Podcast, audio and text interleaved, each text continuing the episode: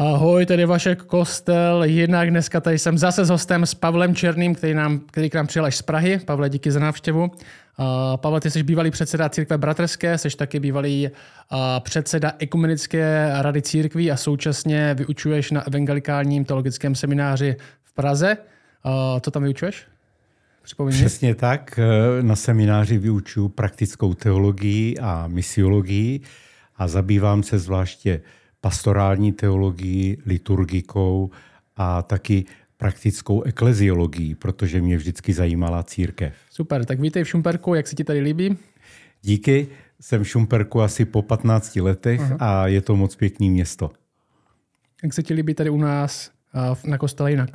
Tak tu jsem úplně ohromen, protože jsem vůbec nečekal takhle krásnou budovu a nádherně upravenou. To je úžasný dar. Tak a řekl jsem jenom pár věcí o tobě, chtěl bys tomu něco dodat, kdo jsi, co děláš, možná se ptáme lidí, co čtou zrovna, na čem pracuješ, protože máš své projekty, na kterých pracuješ.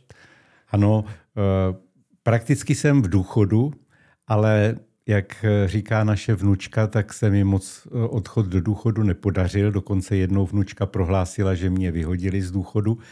Takže pořád eh, pracuju. Pracuju i jako kazatel mm-hmm. a přitom učím v semináři a pořád jsem aktivní eh, v ekumenickém hnutí, protože to už nějak ze mě asi nespadne, mm-hmm. protože mám celou řadu kontaktů eh, v různých církvích, nejenom u nás v České republice, ale taky i ve světě. Takže eh, pracuju na těch ekumenických projektech a občas připravuju nejenom přednášky, ale taky nějaká skripta pro teologický seminář, teď nedávno jsem pracoval na skriptech ze spirituality. Uh-huh. A ještě jste dělali ten projekt s tou Biblí, jak jsi mi posílal. A co to ano, bylo? to byl velmi zajímavý projekt, eh, který podporovala společnost Langham Partnership, kterou kdysi založil John Stott. A tato organizace si klade za cíl pomoci třetímu světu v rozvoji teologie. A tak třeba umožnili, že byl v Africe vydán první africký biblický komentář k Bibli, mm-hmm. který si psali sami Afričané, že jim to nenapsali Američani nebo uh, lidé ze západní Evropy, ale napsali si to sami. No a chtěli v těch pro, projektech pokračovat, tak potom vyšel latinskoamerický komentář, azijský a teď vyšel taky komentář pro Eh, střední a východní Evropu. Takže to psalo celkem 100 autorů eh, z 20 zemí střední a východní Evropy. Taky i Česká republika byla zapojená asi šesti autory. Já jsem byl jeden z nich a teď se v Praze konala eh, taková, takové slavnostní vypuštění v církvi tomu neříkáme křest, mm-hmm. ale eh, bylo to takové slavnostní představení té nové publikace a taky eh, jsme zahájili prodej. Je to velká publikace, musela vzniknout v angličtině, protože jinak bychom se nemohli domluvit, ale bylo to velmi povzbudivé. Je to kniha, má téměř 1700 stran a psali ji lidé třeba i z takových zemí, jako je Moldavsko, eh, jsou tam lidé z Maďarska, Slovenska, Polska, České republiky. Tak je to kolektivní dílo a cílem bylo, aby to bylo psané skutečně z naší situace. Mm-hmm. Aby kdo to čte, tak aby pochopil, že to je z tohoto regionu. Mhm, super. A to už teda je vydaný, nebo se teďka vydává? To už je vydaný, to už je v prodeji. Mm-hmm. Prodává se to například v knihkupectví Samuel eh, v Soukenické mm-hmm. 15, kde je možné si to i objednat. A ty jsi součástí teda sboru na Soukenické v Praze? To knihkupectví? Ne, ty, ne já tam? osobně patřím do toho sboru, ale teď mm. momentálně eh, pomáhám zakládat sbor na Velké ohradě. Takže mm-hmm. tam jsem mentorem toho sboru a letošní konference by měla rozhodnout o zřízení nového mm-hmm. sboru. A to je taky součást Prahy nebo okraj? To je, to je Praha Řepy. Mm-hmm. Super. A co teďka čteš, jestli něco?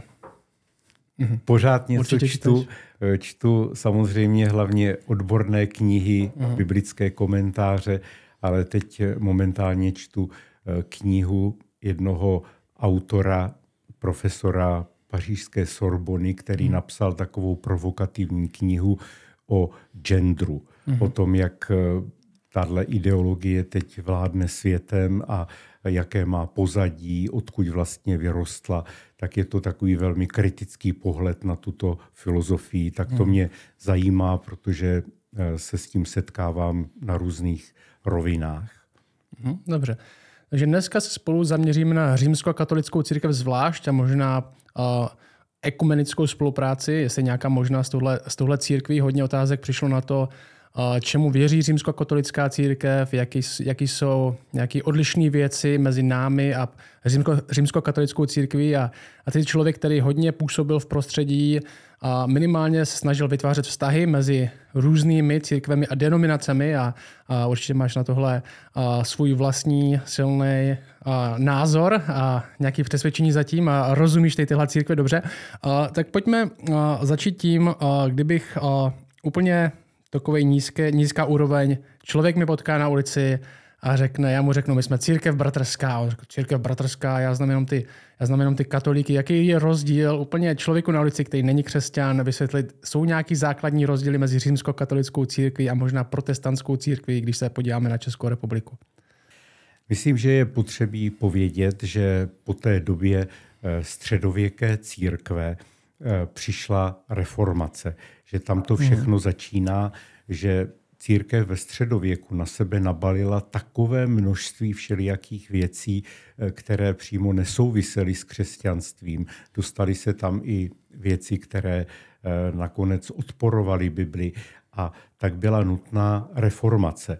No a ta reformace začínala i v naší zemi, konkrétně naše země je tím pověstná, takže se tady nejdříve rozjelo husické hnutí, potom se objevila jednota bratrská, pak se připojila světová reformace, luterská, kalvínská, další reformátoři a vlastně vznikl takzvaný protestantismus. Takže dneska bych řekl, ano, my jsme jedna z těch protestantských církví, jsme církev, která je teologicky konzervativní nebo se mhm. snaží eh, držet eh, to, čemu eh, naši otcové také i věřili a nově to aplikovat, interpretovat. A e, je to církev, která není tak formální, tak oficiální, jako můžete vidět e, církev v katolických kostelích, e, dává větší důraz na společenství, čili v tom je ten rozdíl, že naše bohoslužby dávají důraz na to zapojit více lidí, to, čemu se někdy lidově říká laický element, zapojit více mm. lidí do té bohoslužby. Takže neslouží u nás jenom ordinovaní kazatelé, mm. ale slouží u nás celá řada, celá řada lidí podle svých duchovních obdarování. Tak a co bychom řekli, máme teda římskou katolickou církev, která je v České republice, máme další různé církve, které jsou teda toho protestantského vyznání, hlásí se k protestantismu nebo reformaci. Uh, jaký jsou mezi náma hlavní rozdíly? My jsme měli vypíchnout hlavní rozdíly mezi náma, čím bychom mohli začít.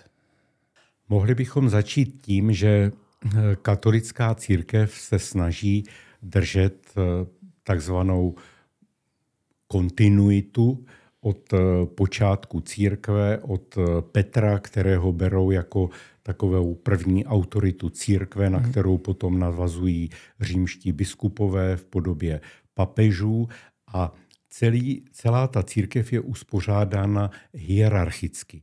To znamená od papeže přes sbor kardinálů na biskupy a biskupy, biskupové svěřují eh, moc eh, k vysluhování svátostí, k vedení církve kněžím.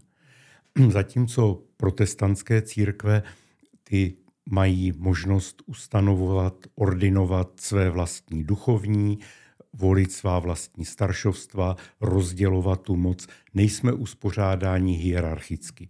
Můžeme být uspořádáni víc presbyterně, to znamená sbory vedou starší presbyteři, nebo kongregačně, to znamená nejvyšším orgánem je členské schromáždění, čili ten způsob vedení církve je odlišný.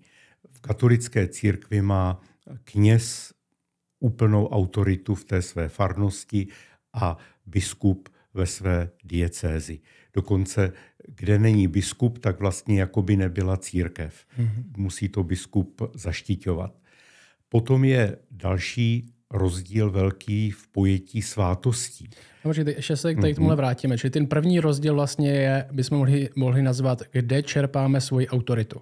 Ano, a ano. Velký rozdíl mezi římskokatolickou církví a naší církví nebo církví, která je protestantská, je, že my čerpáme naše hlavní autorita, my tvrdíme, že je písmo a je to jedině písmo.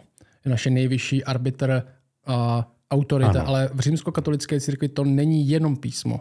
Ano, eh, v římskokatolické církvi je na hodně vysoké úrovni eh, tradice. Také v těch posledních katechismech eh, se zdá, že písmo jakoby je nadřazeno nad tu tradici také, ale tradice tam má velké, velký vliv a tradice interpretovaná učitelským úřadem katolické církve je závazná. Takže když něco rozhodne eh, papež, když to rozhodne eh, koncil, když vyjde z Vatikánu encyklika, tak je závazná pro eh, celou církev.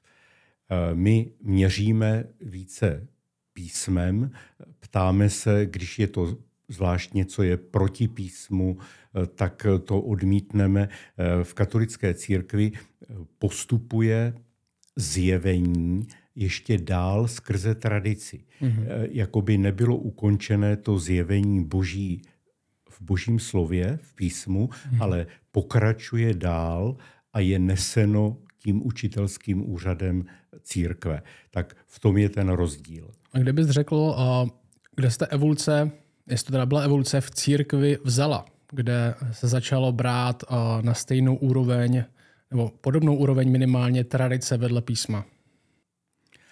Začalo to velmi brzy. Můžeme to vidět už u církevních otců. Řada církevních otců e, tímto způsobem postupovala a snažila se rozvíjet některé e, věci z křesťanského učení. Začala se velmi brzy vytvářet Eh, určitá liturgie, i když ten eh, potom vrcholí až někdy v 9. století, kdy se udělá závazný způsob bohoslužby, kdy vzniká vlastně mše, eh, která vrcholí vždycky večeří páně, eucharistií. Čili ten, ta tradice se formovala od, od těch dávných dob. Snad je dobré pro poctivost povědět, hmm. že protestantské církve také mají svoji tradici. I když třeba o tom tolik nemluvíme, ale i náš výklad písma někdy zaznamenává různé vlivy tradice, ať už je to tradice luterská, tradice reformovaná, tradice anglikánská. A dnes už můžeme mluvit i o tradici letniční a charismatické. Prostě to jsou tradice, které se vyvíjejí Přesto všechno můžeme říci, že ty tradice musí být podřízeny písmu. Přesně tak, že u nás ten rozdíl je, že i když máme své tradice a způsob, jak vyjadřujeme to čtení toho písma, tak tvrdíme, že je všechno nakonec stejně podřízený písmu, že ta tradice není na úrovni písma. Pak máme, takže máme tu tradici, tam by byly tedy koncily, asi, že tradice koncily Máme tam ještě nějaké další věci, jsou, máme deuterokanonické knihy v římskokatolické uh, Bibli, což nevím, jestli většina lidí zná, když si koupí Bibli, tak tam některé edice Bible, myslím, že český ekumenický překlad to má, myslím, že i Bible 21 začala vydávat deuterokanonické knihy, tak tam má pár knih navíc, který uznává římskokatolická církev, ale ne protestantské církve ji uh, neuznávají jako písmo. Je ještě něco součástí té tradice, pak je ten úřad magisterium, což že to je vlastně to je schrnutí toho.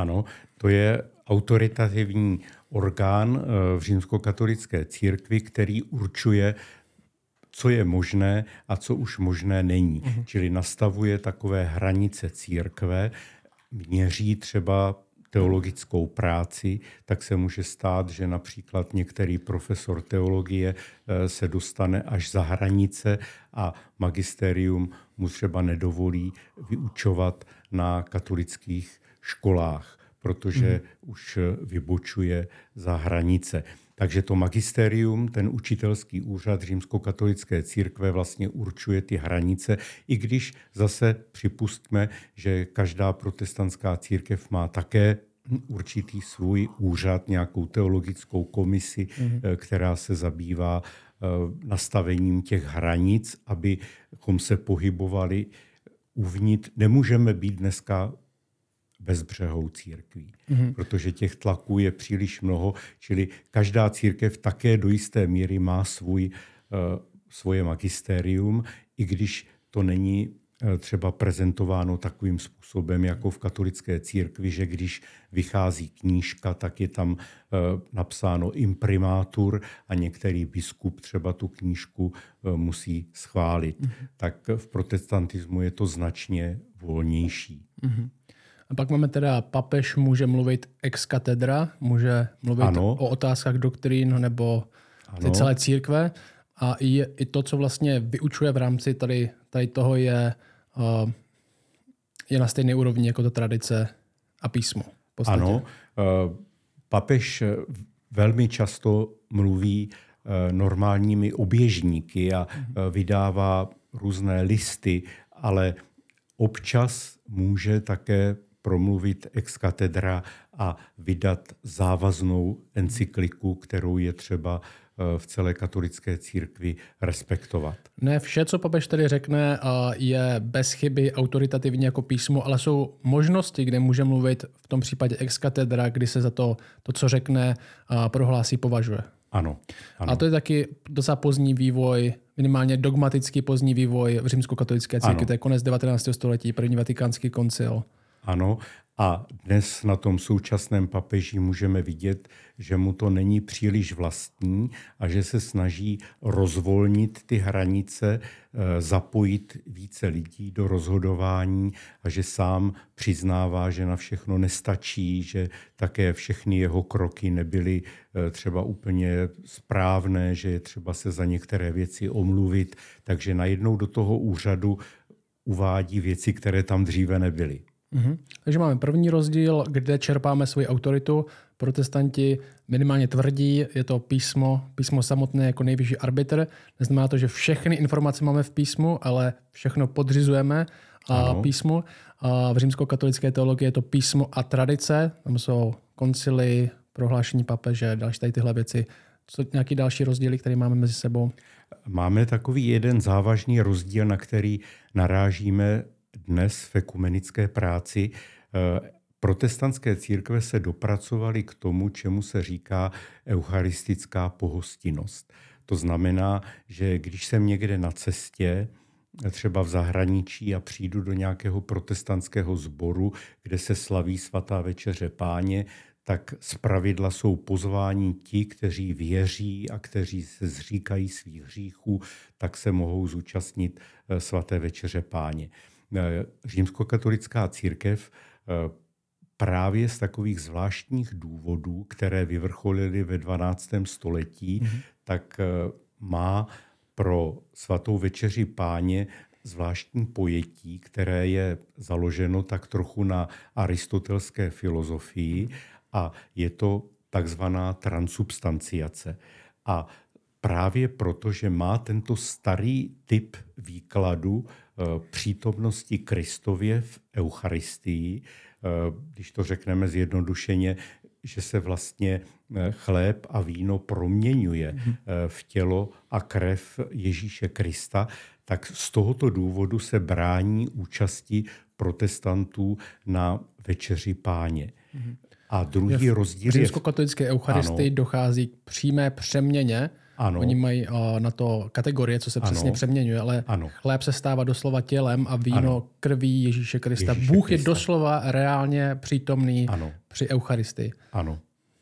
A pomocí a stává se to pomocí uh, skrze tu modlitbu a přítomnost ano. Ducha Svatého. A může to tu proměnu způsobit jenom kněz, který k tomu tu moc dostává od biskupa, když je vysvěcen. Hmm. Takže může vlastně tuto proměnu uskutečňovat. Eh, také jsou tam už posuny. V poslední době eh, se už nemluví o krvavé oběti, ale je to, je to prostě spíš také eucharistický hod společenství, které přijímá, ale ta transubstanciace tam ještě zůstává. A jsi si, vědomé, jsi si vědom uh, nějaké historie toho, tohle transubstanciace, můžeš mě opravdu, si uh, to řeknu špatně, ale byla, byla přijata jako dogma na čtvrtém lateránském koncilu ano, 1215, takže 13, ano. začátek 13. století.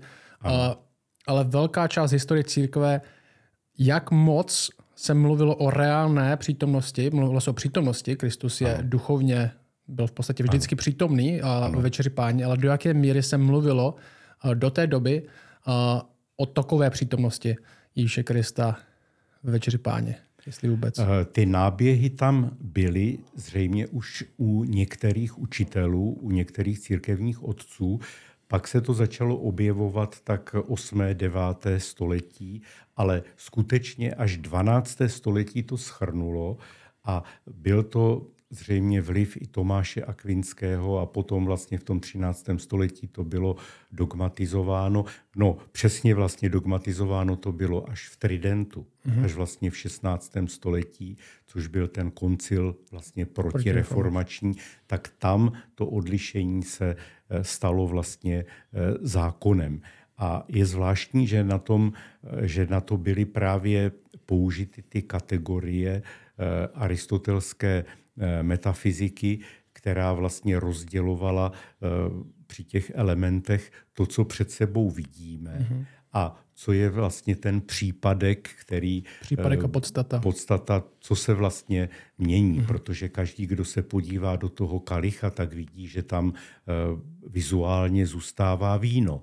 Ale tato fyzika vlastně aristotelská pomáhá mm-hmm. jakoby vysvětlit, že tam je asi to... Jako... Případky, případky uh, zůstávají, takže pořád to vypadá jako chleba, ale podstata, ano, podstata se mění, se, je to tělo, tělo Kristovo.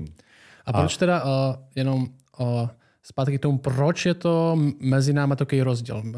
Oni říkají teda, že tam je reálně přítomný uh, Ježíš Kristus ve večeři páně, u nich v Eucharistii. Uh, Luther taky tvrdil, že tam je reálně přítomný. V čem je ten hlavní rozdíl mezi jejich Eucharistií a naší večeři páně?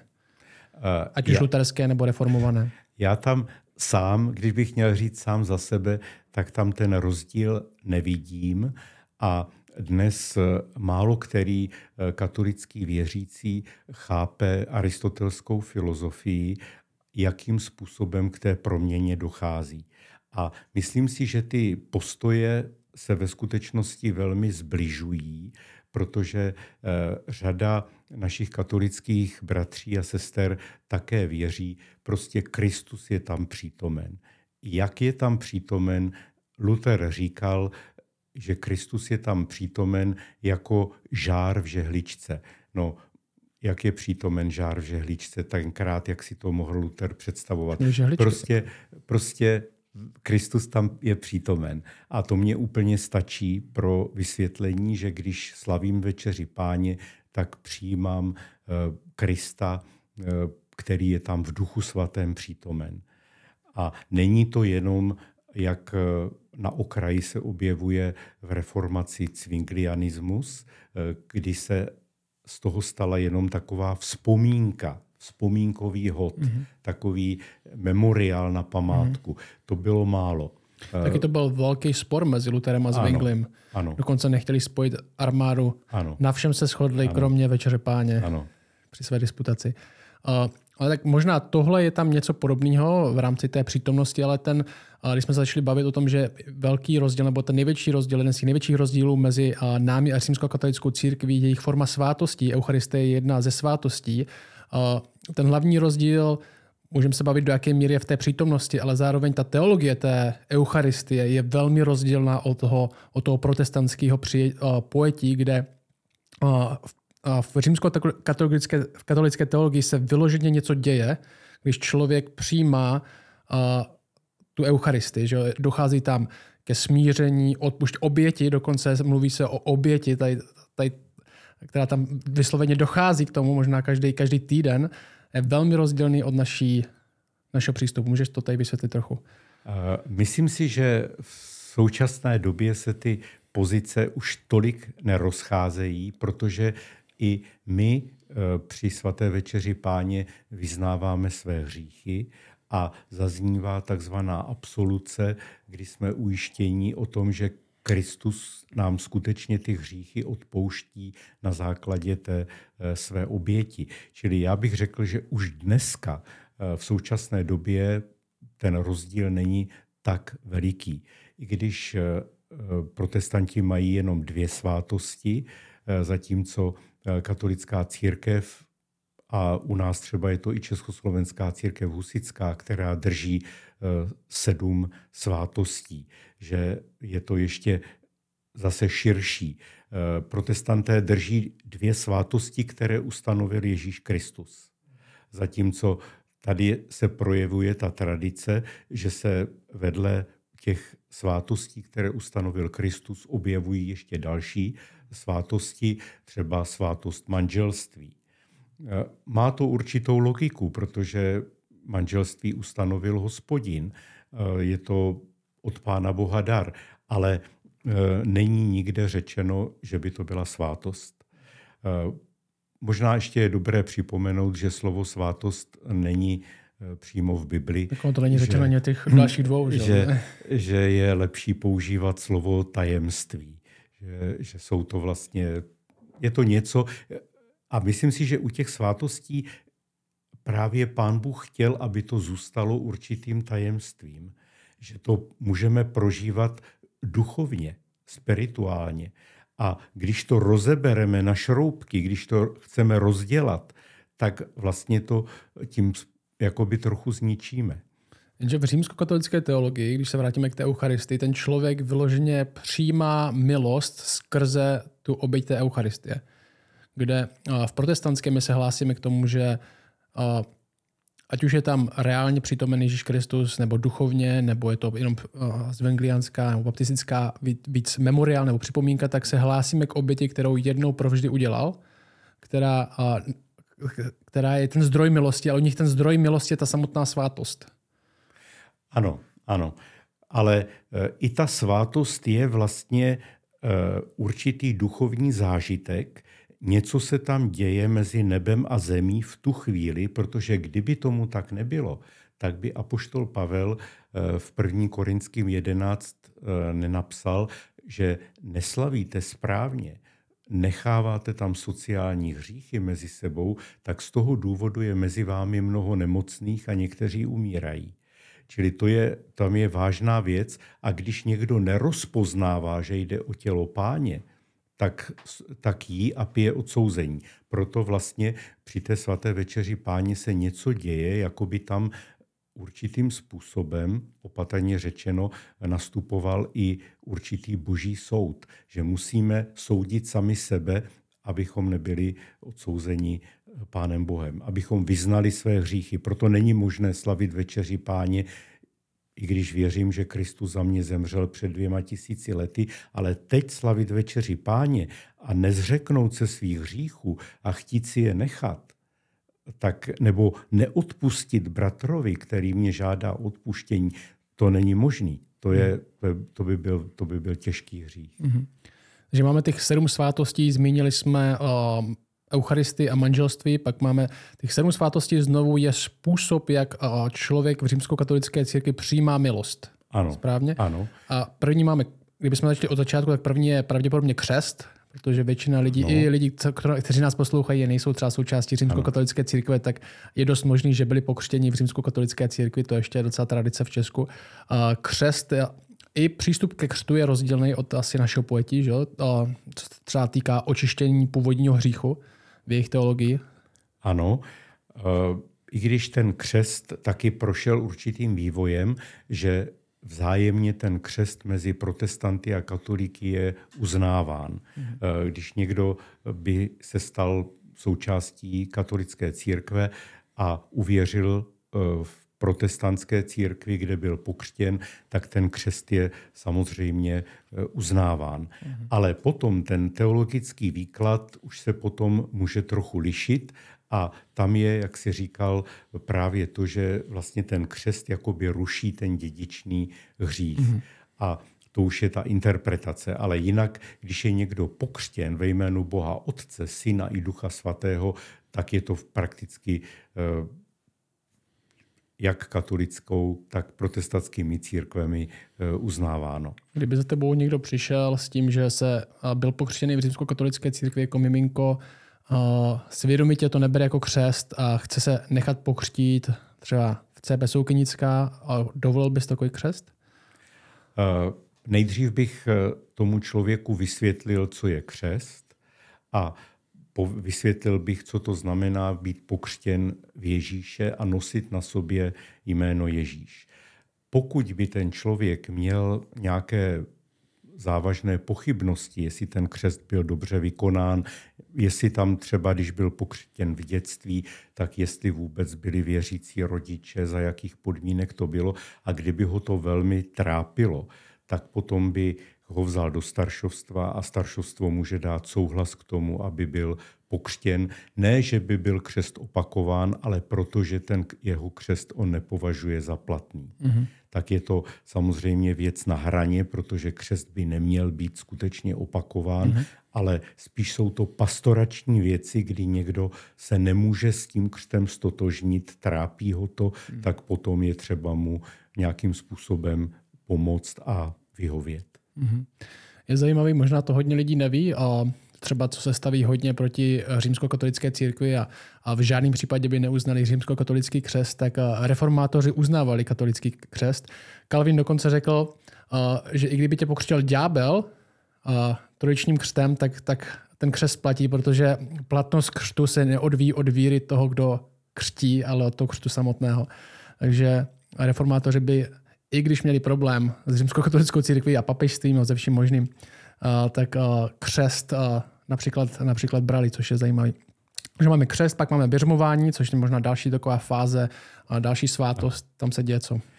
Při běžmování dochází k přijetí daru Ducha Svatého, přitom běžmování je ten kandidát pomazán křížmem, to znamená posvěceným olejem, Eh, který naznačuje eh, přijetí Ducha Svatého. Mohli bychom říci, že v tom je vlastně jakoby ta konfirmace, ten křes Duchem Svatým. Mm-hmm. Má to určitou logiku. V evangelických církvích bývá konfirmace, protože když člověk je pokřtěn jako dítě, tak potom, když doroste, tak potřebuje se k té víře přiznat. Mhm. A v evangelických církvích některých to bývá konfirmace, a v katolické církvi eh, je to běžmování a tím jsou vlastně eh, lidé připraveni k tomu, aby začali slavit večeři páně a jsou plně zapojeni do církve, do hmm. Kristova těla.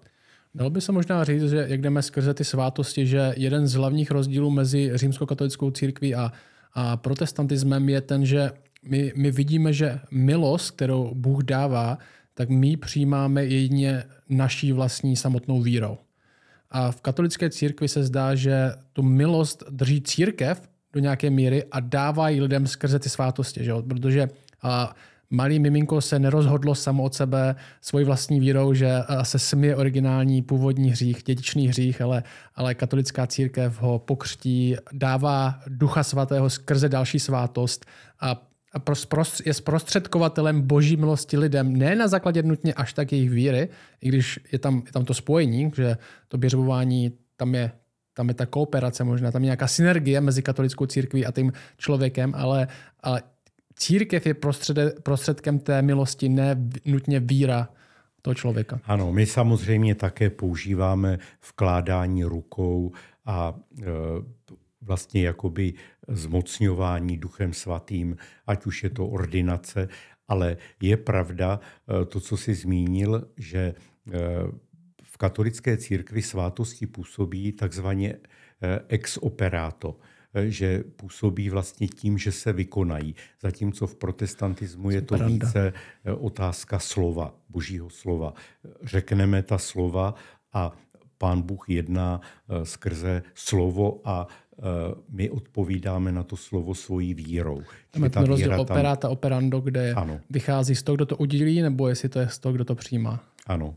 Ne, větší důraz je na víru, zatímco v katolické církvi ex opere operato, ta svátost je více jakoby působí samotíží. Mm-hmm. Takže máme křest, máme běžmování, máme pak uh, ten člověk může přijít k Eucharistii, může přijít uh, k večeři páně v našem slovníku. A pak máme pokání, je další. Ano, slavnost smíření. Smíření. Uh, ta je vlastně na základě spovědí člověk přijímá uh, to rozhřešení z úst kněze. To absoluci.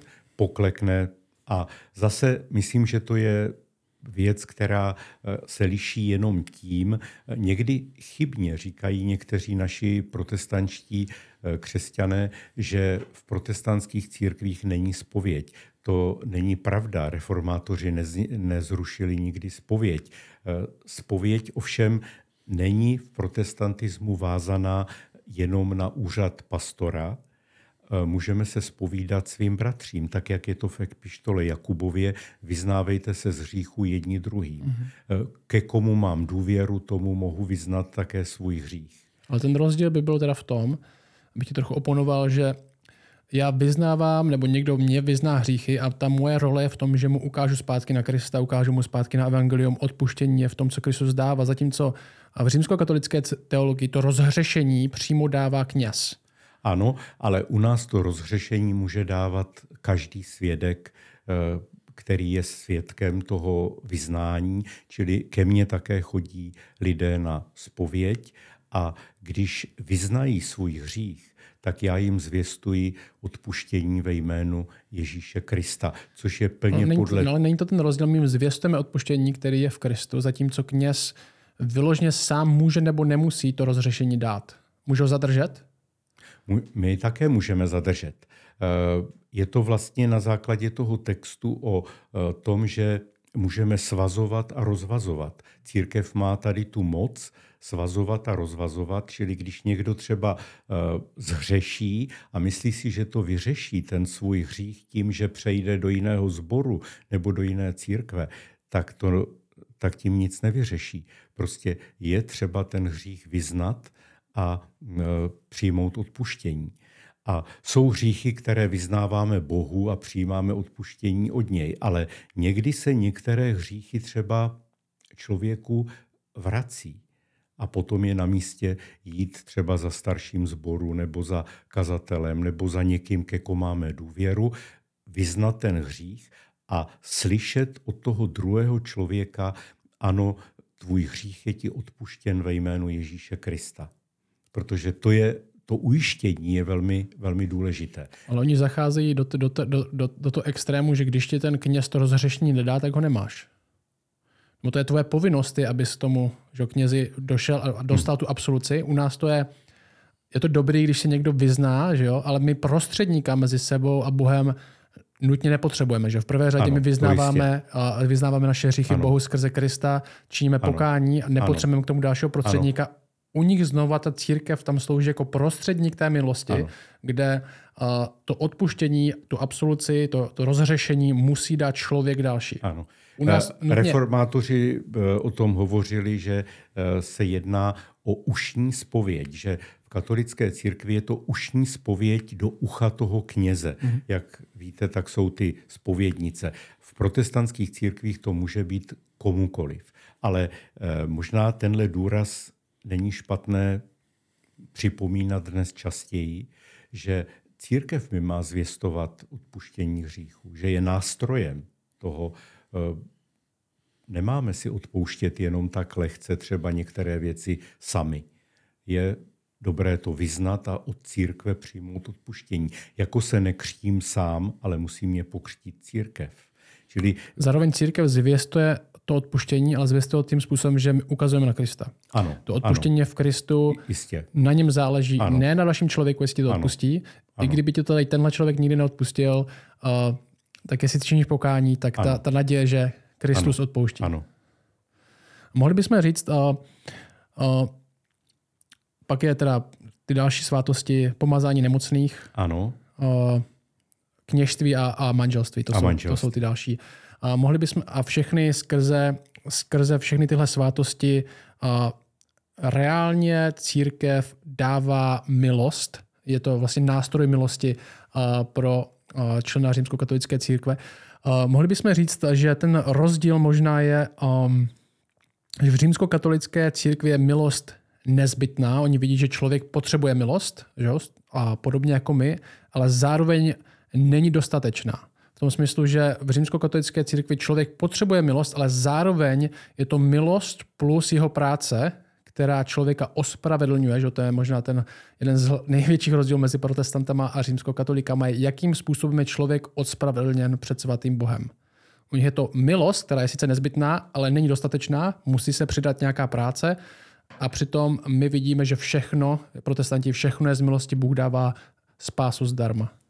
Tak to byl eh, v takovém tom hrubém podání, to byl směr, kterému se říkalo pelagianismus, eh, který pocházel od eh, učitele církve Pelagia, že člověk vlastně musí sám určitým způsobem participovat na té, na té své spáse.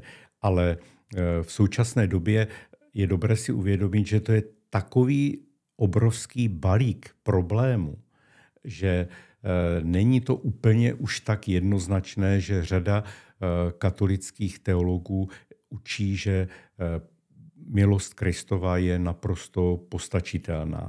Samozřejmě eh, užívá tady někdy ten starý spor, který je známý, který byl mezi Luterem a eh, katolickou církví, kdy Luther eh, právě v tom svém zápase o tu postačitelnost spásy v Kristu vlastně měl problém se pištou eh, Jakubovou, protože tam je řečeno, že kdo nemá skutky, tak ta jeho víra je mrtvá. Říkal slaměné evangelium.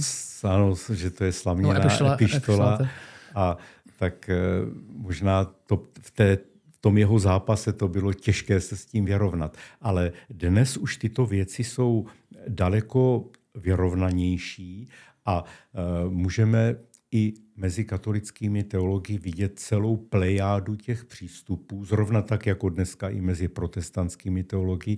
A v podstatě dneska to vyústňuje v takovou schodu křesťanstva, že člověk je spasen vírou, ale ta víra se musí potom projevit nějakými také i činy v životě. Musí v tom životě nastat nějaké změny, jinak bychom si tady na něco hráli a byla by to potom ta víra, by zůstala třeba pouze intelektuální záležitostí, neprošla by naším životem. Mm-hmm. A možná bychom tady mohli zmínit, že jsme byli svědky v té naší době eh, něc, něčeho, co reformátoři by vůbec eh, ani si nemohli představit. Že v roce 1999 eh, bylo v Augsburgu podepsáno společné prohlášení mezi evangelickou církví a katolickou církví, které se týkalo ospravedlnění.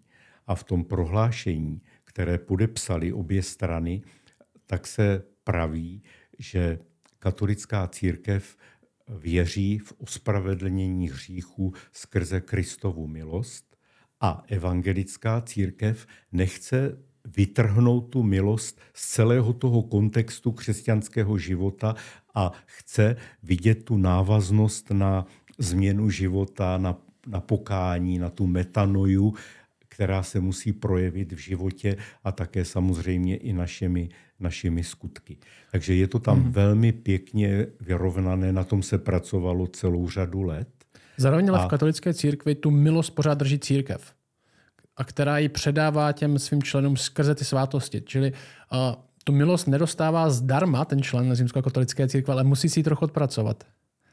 Uh, nevím, já myslím, že to už... Že ono je to jako pěkně je řečeno, to... ale co to znamená, když, když přijdeme, vlastně co to vlastně znamená, tak je to pořád skrze Eucharistii, skrze spověď, skrze uh, křest, skrze běžmování. Ta církev tu milost dává komu chce, že uh, odpustky jsou pořád živým, uh, ž, živým učením katolické církve, to nepominulo v 16. století, akorát se trochu změnilo. Církev má nějakou odpustkách to je přímo pokladnice zásluh že, Kristových a svatých. Ale je to církev pořád, kterou tu milost rozděluje. No, možná, že se to dá v některých těch materiálech objevit, ale mám takovou osobní zkušenost, jestli mohu připomenout, když jsme v 90. letech připravovali evangelizaci s Billy Grahamem, tak se zapojili všechny církve a včetně římskokatolické. Také tam někteří katolíci nebo někteří lidé uvěřili a stali se potom katolíky. A e, došlo k tomu, že jsme potřebovali pro tu evangelizaci připravit celou řadu poradců, kteří se budou modlit s těmi oslovenými lidmi a budou jim sloužit. A každý ten poradce, který se přihlásil ze všech církví, tak musel napsat osobní svědectví. A když jsme eh, ta svědectví potom v té komisi, která to připravovala, když jsme ta svědectví četli, tak z těch svědectví, osobních svědectví, jak si uvěřil v Krista, jak se s ním setkal, tak jsme často nebyli schopni určit, jestli to je protestant nebo katolík. Možná to bylo proto, že se přihlásili eh, katolíci, kteří žili takovou hodně živou, intenzivní víru, tak to bylo, to bylo pro nás mm-hmm. pozoruhodné. Vlastně jak je důležité říct, že když se bavíme o římskokatolické církve a jejím vyučování, tak se nutně nebavíme o členech římskokatolické církve a o jejich vlastní víře. Že? Bavíme se, co oficiálně římskokatolická církev vyučuje, což nutně ne, nemusí znamenat, čemu některý římsko, římský katolík věří. Uh, já bych třeba, kdybys mi pomohl pochopit, já mám uh, ty jsi byl předseda ekumenické rady církví a jsi hodně zapojený do tady téhle spolupráce. Já, já co se týče římskokatolické církve, tak a, mám opravdu problém s nimi spolupracovat. A za mě se týká se mi, chtěl bych, kdyby mi pomohl to napětí vysvětlit. Jo? Máme Tridentský koncil, který je hodně starý, je to 16. století, který byl vyloženě protireformační koncil, i když tam proběhly na tom koncilu i další věci, třeba deuterokanonické knihy byly přijaty i když i to bylo do nějaké míry protireformační. A mám tady, poslouchej tohle, jo.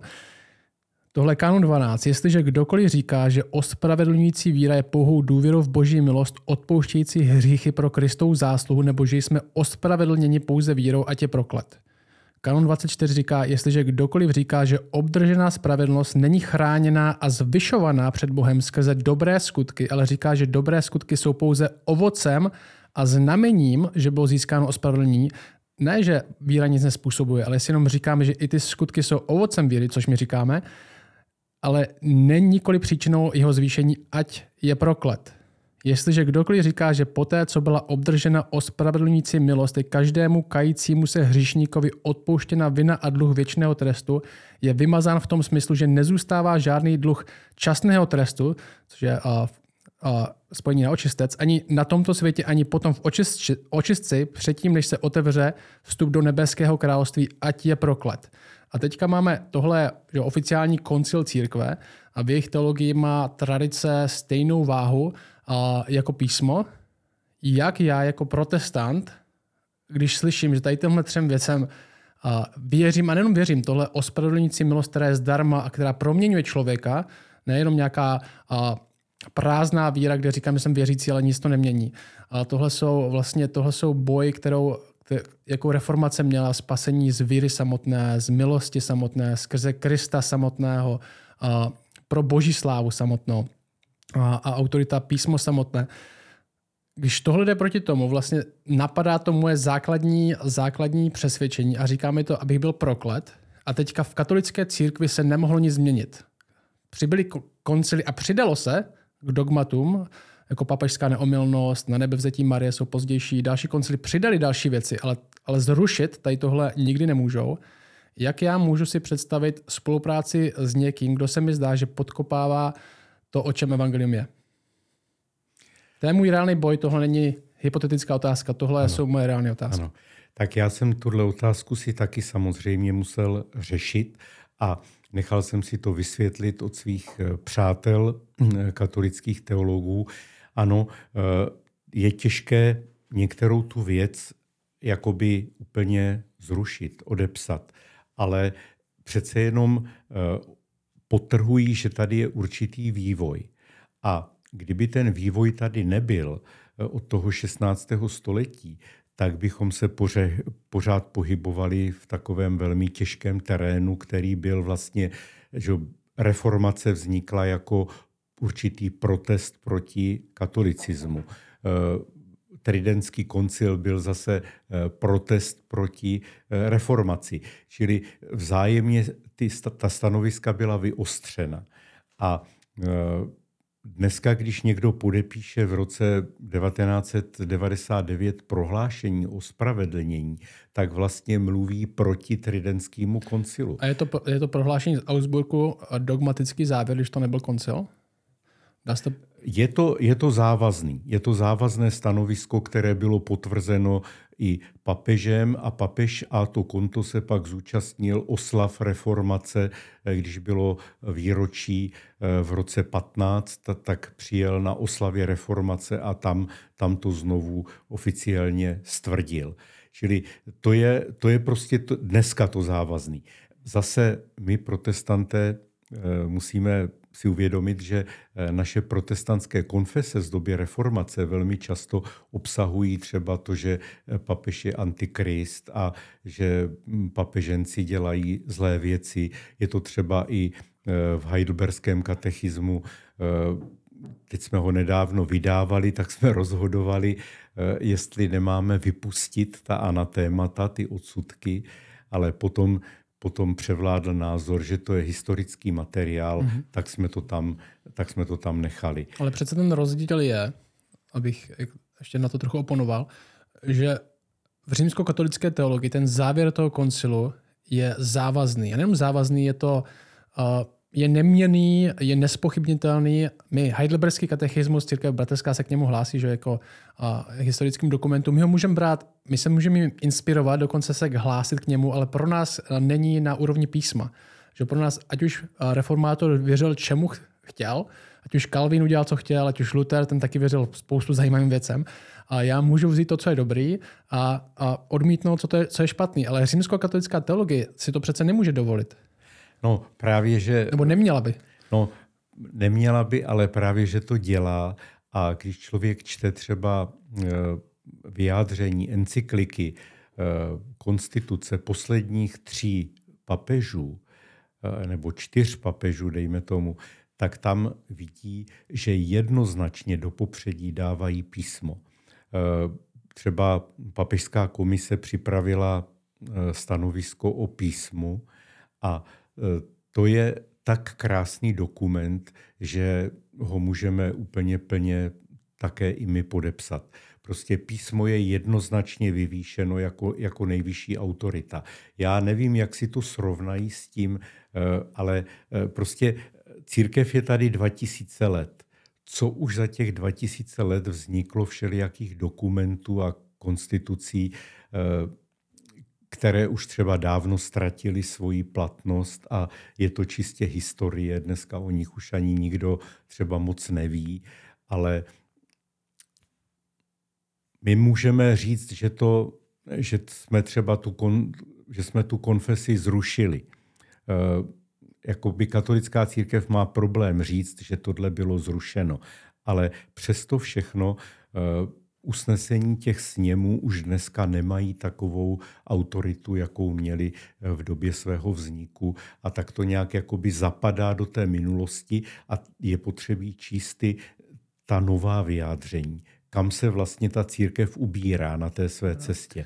A... Takže by se dalo říct, s katolikem se dá spolupracovat, jestli uh, zapomene na svůj historický katolicismus. Tak. A my uh. musíme ale také na některé věci zapomenout, které se třeba... Ale my můžeme, uh, že? My můžeme, můžeme, oni by neměli. Můžeme, ale kdo obsáhne Eh, ve své mysli, co všechno vytvořila církev za 2000 let, tak ono to tak nějak přirozeně třeba některé věci zapadají do minulosti. A důležité je eh, vůbec v pojetí ekumenismu eh, hledat ty věci, které nás spojují. Jako můžeme jít zpátky a najít ty věci, které nás rozdělují, ale pro tu spolupráci přece jenom je důležitější vědět, eh, kde jsme dnes, na čem stojíme, eh, co jsou naše základy víry a kde ta spolupráce hmm. je, je možná.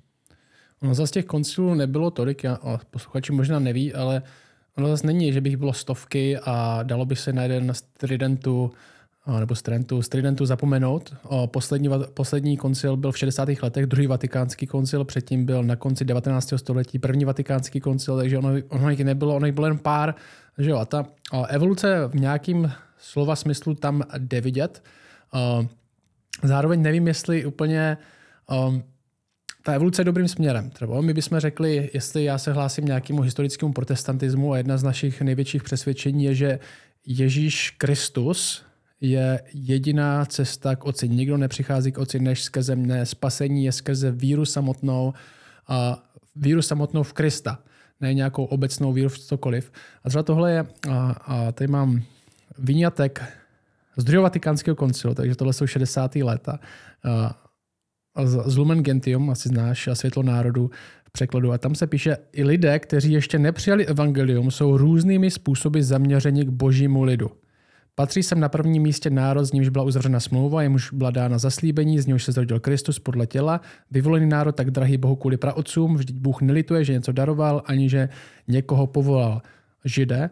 Plán spásy se však vztahuje i na ty, kteří uznávají stvořitele s velkým S a mezi nimi především na muslimy, kteří prohlašují, že se drží víry Abrahamovi a klaní se jako my, Bohu jedinému, čili prohlášení, že muslimové uctívají stejného Boha jako my, a milosrdnému, který bude v posledních den lidi soudit. Bůh není daleko ani od těch, kteří hledají neznámého Boha v mlhavých stopách a obrazech, vždyť všem dává život, dech a všechno.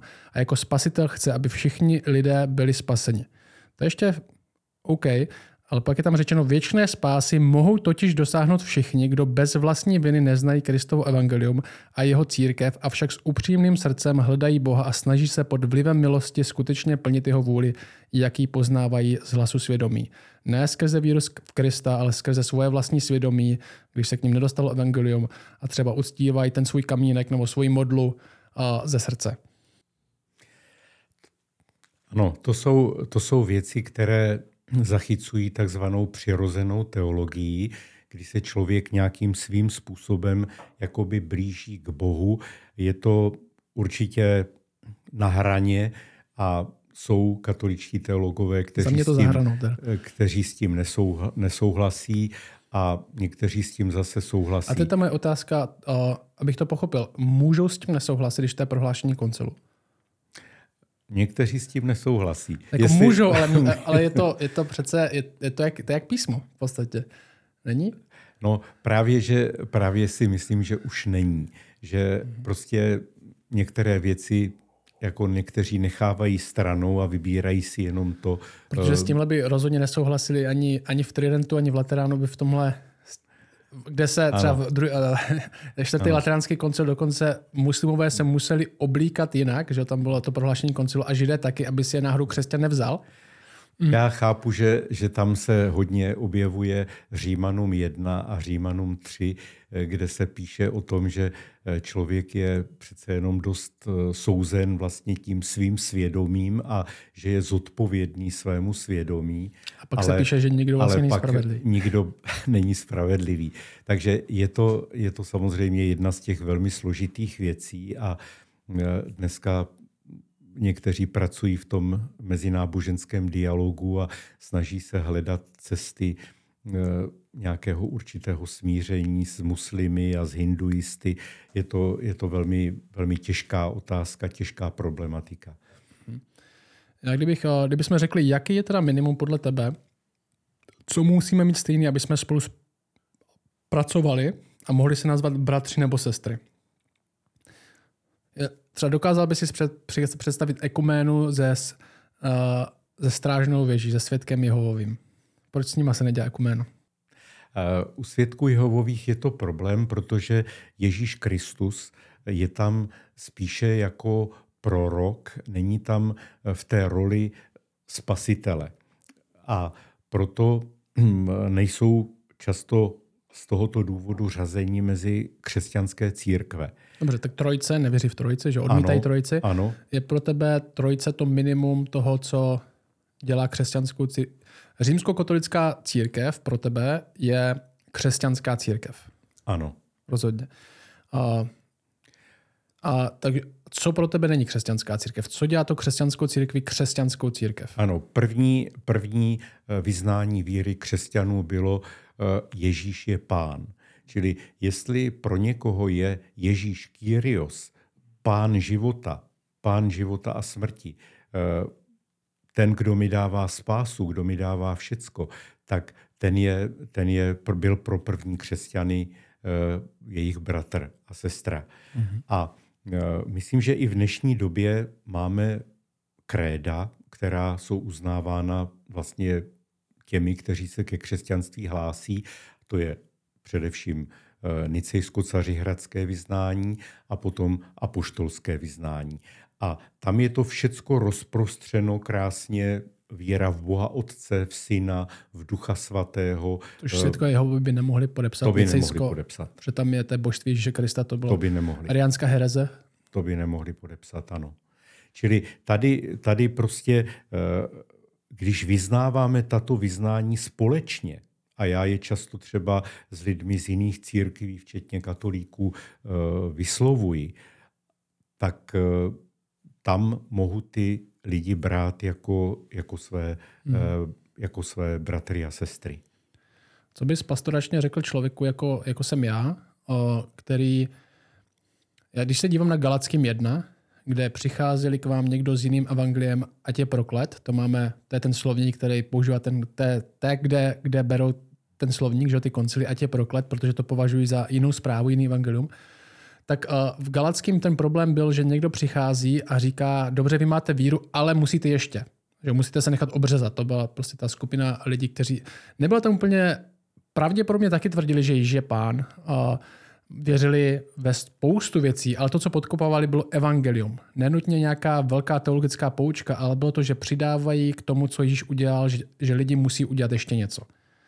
A mně se zdá, že jestli je zástupce na zemi, kdo to dělá, tak to musí být římskokatolická církev, která říká, Ježíš tohle udělal, ale k tomu, a možná, jak říkáš, je tam nějaký vývoj, nějaká evoluce a nějaký, nějaká různorodost smýšlení.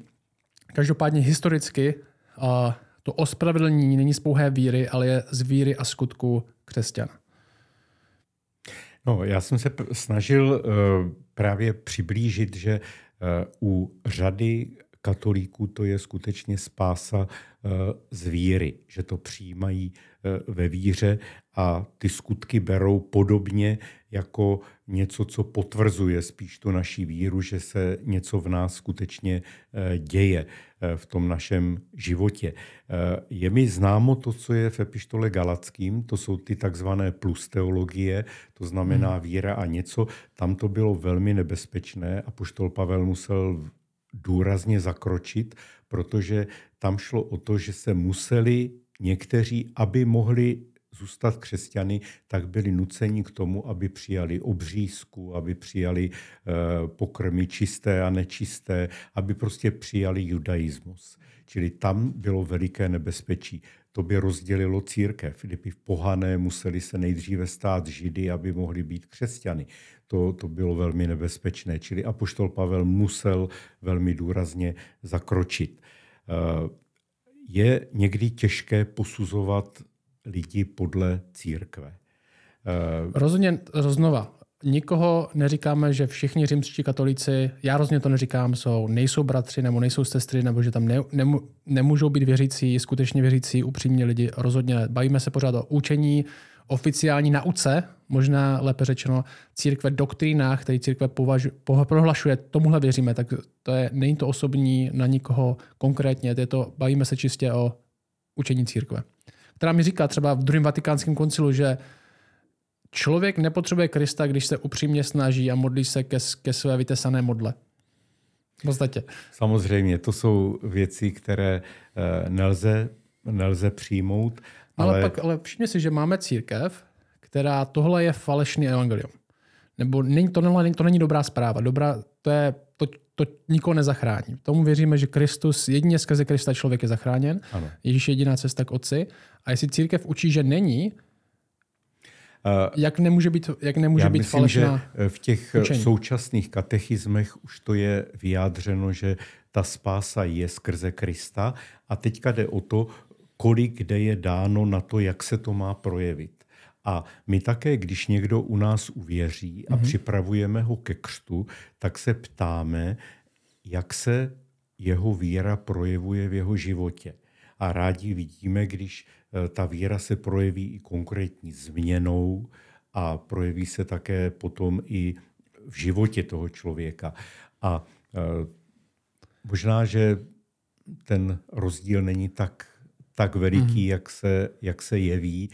A myslím si, že v dnešní době, zvlášť třeba tady v Evropě, kde je takový tvrdý i uh, útok na církve, že katolická církve se velmi rychle mění a že můžeme vidět právě ten důraz na základy křesťanství, které trvají a které jsou třeba vyjádřeny i v tom, i v tom krédu, které vyznávají velmi často a tam vyznávají eh, svoji víru na základě Ježíšovy oběti, toho, který se narodil, který přišel pro nás, položil svůj život, eh, byl vzkříšen, kde to je všechno vyjmenováno. A tam není nic vůbec o, eh, v krédu není nic o těch skutcích ty jsou logickým až následkem. Čili já bych v tom neviděl tak veliký rozdíl, protože znám i protestanty, kteří propadají skutkaření a e, není to úplně nic dobrého. E, Jasně, jestli protestant učí moralismus, že jsme moralismus. zachrání skrze skutky, nebo tak, tak, no. tak to je taky falešný učení. Že? Samozřejmě. A farizeové nejsou ve světě, farizeové jsou uvnitř církví. Mm-hmm. Farizeismus. Tam, pořád ten rozdíl, který tam vidím, je, že v římskokatolické teologii je to ta církev, která vlastně my věříme sola scriptura, jedině písmo, jedině písmo je naše největší autorita, oni mají v podstatě, by se dalo říct, sola ecclesia, jedině církev, protože církev interpretuje to písmo. Já nevím, kdybych se zeptal, a neudělal jsem to, možná bylo dobré to udělat, abych to zjistil na osobní rovině, ale kdybych se zeptal kněze, kdybych řekl, já tvrdím, že dobrý skutky jsou ovoce víry. Jo? My, jak říkáme v církvi bratrské a rozně v protestantské tradici, je důraz na svatý život. Že my věříme, že posvěcení je nedílná součást ospravedlnění. Calvin dokonce říkal, že to je, že ospravedlnění a posvěcení jsou dvě strany mince, která je spojená jednota s Kristem, protože jsme jedno s Kristem, tak jsme ospravedlnění a zároveň z toho vychází posvěcení, změněný život a jestli a, a není posvěcení, tak nebylo ani ospravedlnění, protože to je ovoce. To, tak to absolutně věříme. My věříme, že ospravedlnění, že posvěcení je ovocem ospravedlnění, ale katolická církev tvrdí, že posvěcení je, nebo dobré skutky jsou podmínkou ospravedlnění.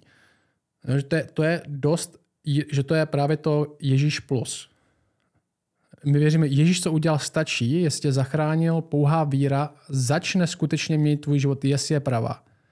V katolické teologii se mi zdá, kde se mi zdá, to už je falešné učení, že potřebuješ Ježíše, svoje skutky a to je to, jak jsi zachráněn. Že sice potřebuješ Ježíše na 100%, ale není to všechno. Nestačí to. Jeho oběť není dostatečná. Já myslím, že eh, tohle je právě už ta otázka eh, minulosti.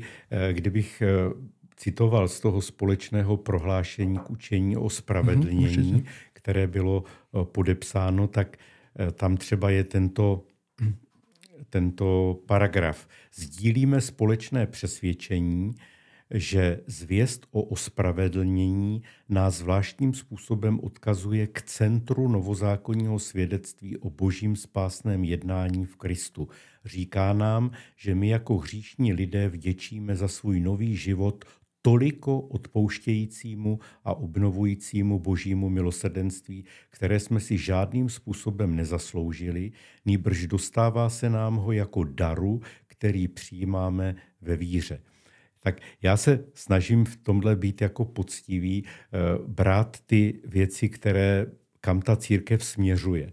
Jako kdybychom šli zpátky k reformaci, tak bychom také tam našli věci, se kterými dnes není možné souhlasit. Třeba Luterův vztah k židům, Luterův vztah eh, k selským bouřím. Luterův vztah ke komu, komukoliv, kdo s ním nesouhlasí. Nebo Kalvínova, Kalvínova opora o městskou radu a jeho podpisy rozsudků smrti. Uh, to, to prostě jsou věci, které, které jako už dneska opravdu nemůžeme. Přesně tak. A to, je, to se vracíme pořád tomu, vlastně, co nechci pořád opakovat, ale jak může, když se zeptám kněze, tady tohle, říká mi, Tridentský koncil mi říká, ať jsem proklet, jak může katolický kněz, který je ordinován, mi říct, já nevěřím v to, co řekl Tridentský koncil. Protože to je pro, to, pro protestanta, jako kdybych mu řekl, ale tenhle verš z Bible mi říká, že mám jít do světa dělat učedníky a protestant by mi řekl, víš co, já, já Matouše úplně nevěřím. Ano. Protože to je písmo, že? to je ano. na stejné úrovni. Tak jak někdo může říct, a jo, tohle bylo vyloženě napsané proti, proti protestantům, ať jsou prokletí ti, co věří protestantským učení. A, a najednou už jsme, jak to teďka, vzdálení bratři, nebo jak je ten termín? No.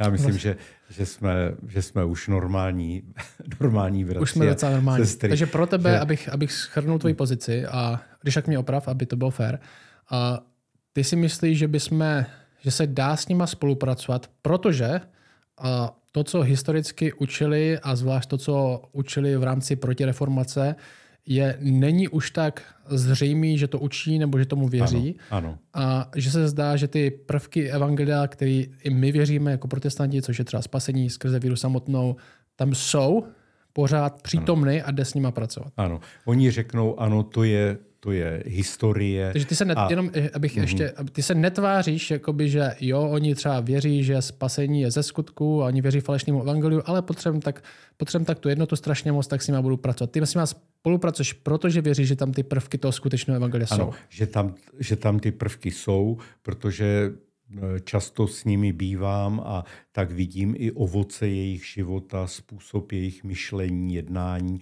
Čili vidím, že žijí spíš tím, kam se ta církev ubírá dneska a ne tím eh, minulým. Eh, někdy, někdy si říkám, že to je, mm, že to mají nastaveno velmi složitě a že právě to, že jakoby nemohou ty věci úplně zrušit, takže to je eh, velká zátěž. Ale nějakým způsobem si to nastavili, nesou to a eh, oni říkají, vysvětlují to tak, jsou některé věci, které byly v minulosti rozhodnuty, ale ty už zapadly a dneska platí tyto věci. Mm-hmm. Čili oni berou, eh, berou tam takové jakoby, jakoby takový určitý postup, postup, vývoj. Mm-hmm. Nakonec u nás je taky vývoj a možná bychom tady zabředli do hodně složitých teologických otázek, ale ono, když řekneme, že písmo je naše nejvyšší autorita,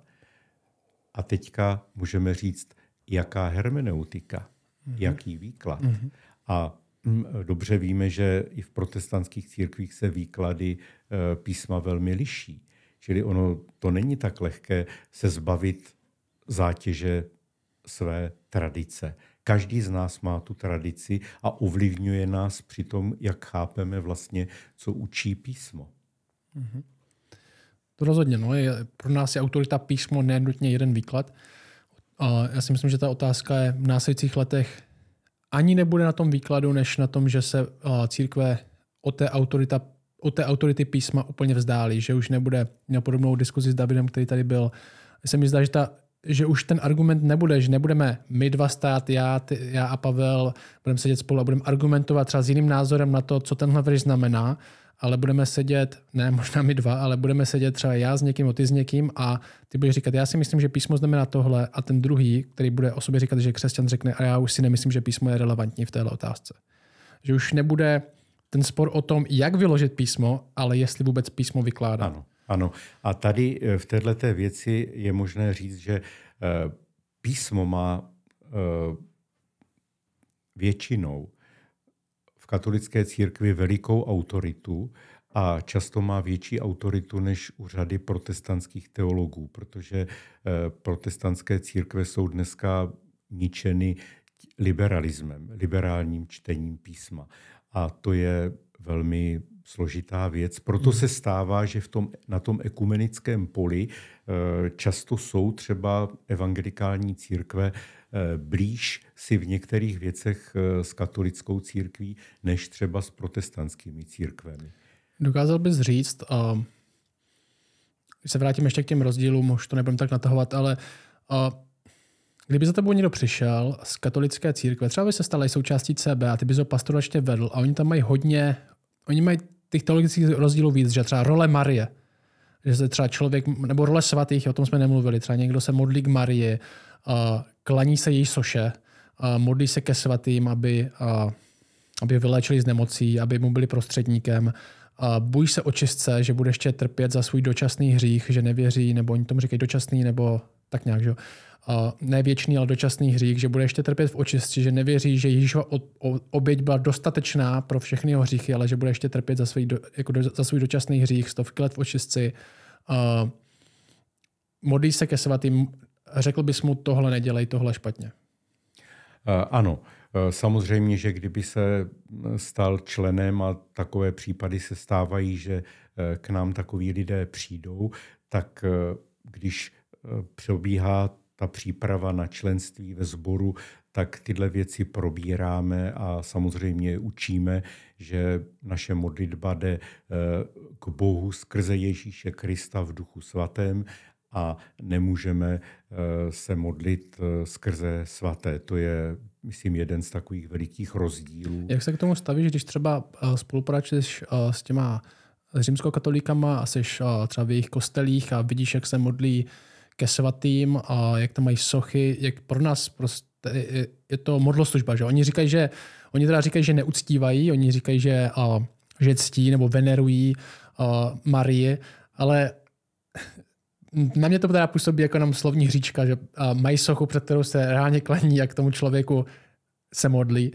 A, takže můžu tomu říkat, že ji neuctívají, že jenom ctí, ale jak se k tomu, jak to, co v, to, v tobě dělá, snažíš se to na to zapomenout a, a nedívat se možná, nedávat tomu pozornost a pracovat, že naproti tomu, že tam tohle všechno okolo je, ale vidíš tam, že tam je nějaký zdravý jádro, ano, já myslím, že to takovéhle projevy potom beru jako uh, něco, co se snažím uh, tolerovat. A když by vznikl rozhovor, tak často s těmi lidmi o tom vedu rozhovor a uh, někdy vysvětlím třeba, proč, proč sám to nedělám a my to neděláme a oni mě zase se třeba snaží vysvětlit, jak to chápou a potom jako uvidím něco trochu jemnějšího, než je přímo ta, eh, ta modloslužba. Ono i kolem té Marie to není třeba tak úplně jednoznačné, jak to někdy eh, my protestanté vidíme jako jednoznačnou modloslužbu. Oni to berou tak, že když Marie eh, se přiznala nebo poprosila Ježíše, aby eh, v káni galilejské eh, proměnil vodu ve víno, tak jako to prodlužují a říkají, že Marie eh, může ještě i teď poprosit Ježíše o různé věci. Čili oni se jako nemodlí k Marii, ale skrze Marii k Ježíši, což my říkáme, Marie zemřela, my se nemůžeme modlit k těm, mm. kteří zemřeli.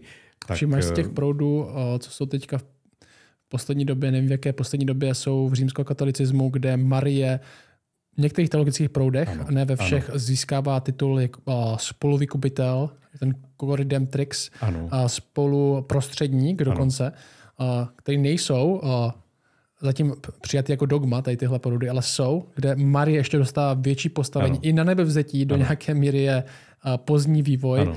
I ano, ten tlak tady vzniknul a je to pravda, že jsou tyhle proudy, které si zakládají na těch zjeveních Marie a podobně, to je že Fatima a, a Lourdes a, a další, ale eh, v tom celku tomu nebo v tom magistériu mm-hmm. tomu katolická církev nepropadla a jsem rád, že jak Jan Pavel II, tak potom také zvlášť Benedikt XVI. Eh, tyhle věci schodili ze stolu a odmítli, že to není možné přidávat Marii jako spolu vykupitelku, mm. že to může být skutečně jenom Ježíš Kristus. Mm. Benedikt byl ještě do, do nějaké míry kon, konzervativní a papež, teďka máme Františka, který není až tak konzervativní, zdá se. A máš na něj nějaký názor? Měl jsem možnost se s papežem Františkem eh, setkat, no, ne jednou, víc, a On teďka 10 let papež, že? 10 let. A je to, každý člověk je formován svým prostředím. On vyšel z Argentíny, je ovlivněn těmi velikými spory sociálními v Latinské Americe. Tam vznikla vlastně teologie osvobození a proto eh, on má velice silně vyvinuté jak ekumenické cítění. Jeho jeden z nejlepších přátel je Eh, pastor z Argentíny, který je eh, pastorem charismatického sboru protestantského a on má cit pro trpící lidi, pro chudé, ty, kteří jsou na okraji a dělá všechno pro to, aby rozmetal ty, eh, ty hierarchy, kteří si tady stavěli paláce. Že v Německu třeba zbavil zbavil pravomoci jednoho biskupa, který si tam postavil dneska drahý palác. No, řekl, to není možné. A zabavil, zabavil ten palác a eh, dal ho charitě, aby ten palác sloužil pro potřeby, eh, potřeby lidí. Čili to je ten jeho, jeho veliký, eh, veliký zápas. Snaží se, eh, jak může, tu církev katolickou proměnit. A rozjel teď ten veliký projekt té synodality, kde je úsilí, aby byli biskupové a kněží zbavení určité moci protože on vidí, že ta moc vedla často i k tomu zneužívání, o kterém se dneska hodně mluví. Čili ta synodalita by měla rozložit tu moc eh, rozhodovací do širších grémií, aby tam byli vpuštěni ti, kteří nejsou knězi, aby tam byly vpuštěny ženy, aby mohli prostě rozhodovat hm, o víc věcech společně. No ale protože to je obrovská církev mhm. celosvětová, tak je to, je to asi zřejmě běh na dlouhou trať. Ale hm, myslím, že přichází ten František s něčím, co, co církev eh, dneska potřebuje tak je třeba ten jeho cit k přírodě, k tomu životnímu prostředí je povzbudivý a, a mnohé další věci. Možná bychom mohli zakončit, uh, jaká by měla být naše modlitba uh, za římské katolíky. Uh, zase mi tvůj přístup je hledat jednotu z římskou katolíky, hledat to, na čem se můžeme shodnout, možná to jádro křesťanství.